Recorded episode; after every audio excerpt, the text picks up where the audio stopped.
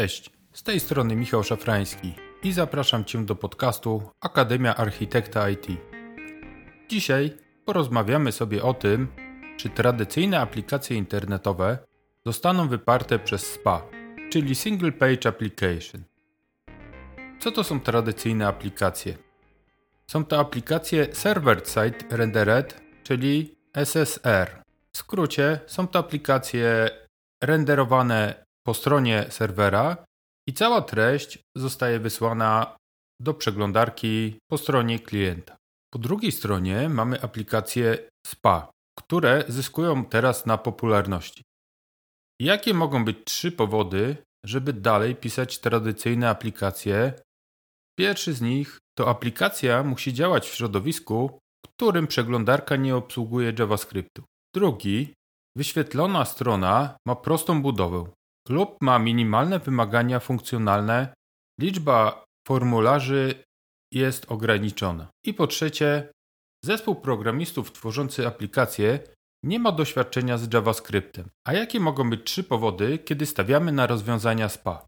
Po pierwsze, kiedy oprócz aplikacji internetowej tworzymy aplikację mobilną i tworzymy do nich wspólne API. Po drugie, jeśli budujemy aplikację o wysokiej interakcji z użytkownikiem lub bogatym interfejsie użytkownika. I po trzecie, gdy w skład zespołu programistów wchodzą osoby z wiedzą o JavaScriptie i budowie frontendu. Możemy się teraz pokrótce przyjrzeć trzem powodom pisania tradycyjnych aplikacji. Pierwszy, jak wcześniej wymieniłem, aplikacja musi działać w środowisku, w którym przeglądarki nie obsługują JavaScriptu. Na pewno się zastanawiasz, czy jeszcze takie coś istnieje. Otóż w moim Kindle Amazonie mam przeglądarkę, która nie obsługuje JavaScriptu i wyświetla strony bez obsługi lub z bardzo prostą obsługą.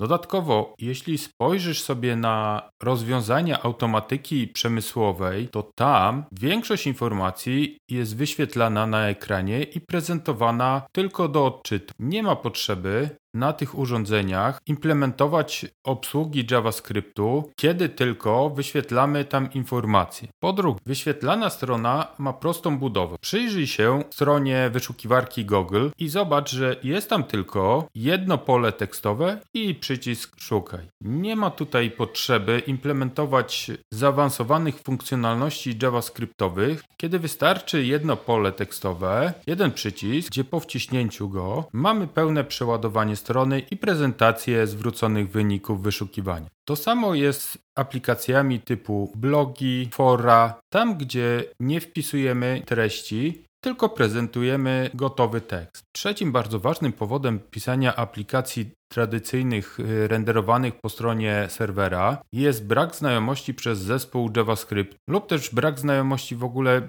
pisania frontendu. Może to być również niechęć programistów do JavaScriptu, który to język albo się kocha, albo nienawidzi. A kiedy warto stawiać na rozwiązania SPA? Kiedy oprócz aplikacji internetowej tworzymy aplikację mobilną, tworzymy do nich wspólne API, przez które komunikują się one z usługami serwera. Ma wtedy sensu pisać tej samej logiki dla aplikacji po stronie serwera, jak i y, klienta frontendu. Bardzo ważnym aspektem budowania przemawiającym za rozwiązaniami SPA jest wysoka interakcja z użytkownikiem i bogaty interfejs użytkownika, który jest bardzo często spotykany we współczesnych aplikacjach biznesowych. Mamy tam bardzo skomplikowane formularze, bardzo dużo wykresów, dużo kolorów, dzieje się tam wiele rzeczy i naprawdę utworzenie tego wszystkiego po stronie serwera wymagałoby bardzo skomplikowanych operacji używania Ajaxa, to po prostu robimy w JavaScriptie, która jest wykonywana w przeglądarce i ma wiele zastosowań właśnie w tworzeniu takiej interakcji z użytkownikiem. I teraz kolejnym aspektem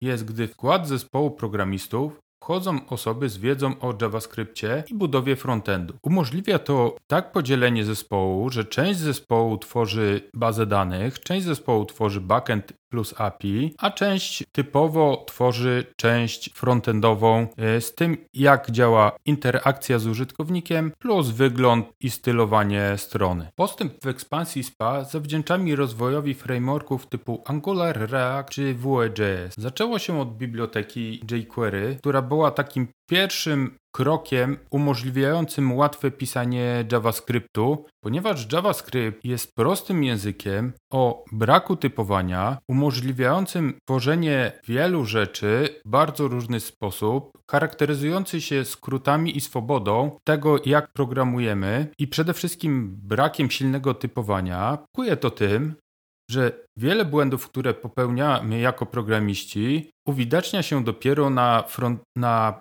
przeglądarce lub u klient. Frameworki JavaScriptowe pozwalają nam na pisanie dużych i złożonych systemów. To nas czeka w przyszłości, to na pewno rozwój frameworków, dodanie do nich jeszcze większych możliwości, tworzenie na przykład baz danych po stronie klienta, co już jest możliwe. Bardzo dużymi krokami zbliża się również WebAssembly, czyli wykonywanie kodu binarnego aplikacji internetowych po stronie klienta, czyli naszych komputerów. Pozwoli to uzyskać bardzo dużą wydajność i udostępnić ją tym aplikacjom. Nie powinniśmy jednak zapominać o istnieniu i możliwościach aplikacji tradycyjnych. Nie zawsze nasza aplikacja musi mieć potężny i interaktywny interfejs użytkownika, czy że wyświetli potrzebne nam dane. Pisanie i wdrażanie aplikacji tradycyjnych jest znacznie prostsze z punktu widzenia programisty, jest również prostsze w testowaniu, bardziej przewidywalny jest wynik działania tej aplikacji, ponieważ jej działanie znajduje się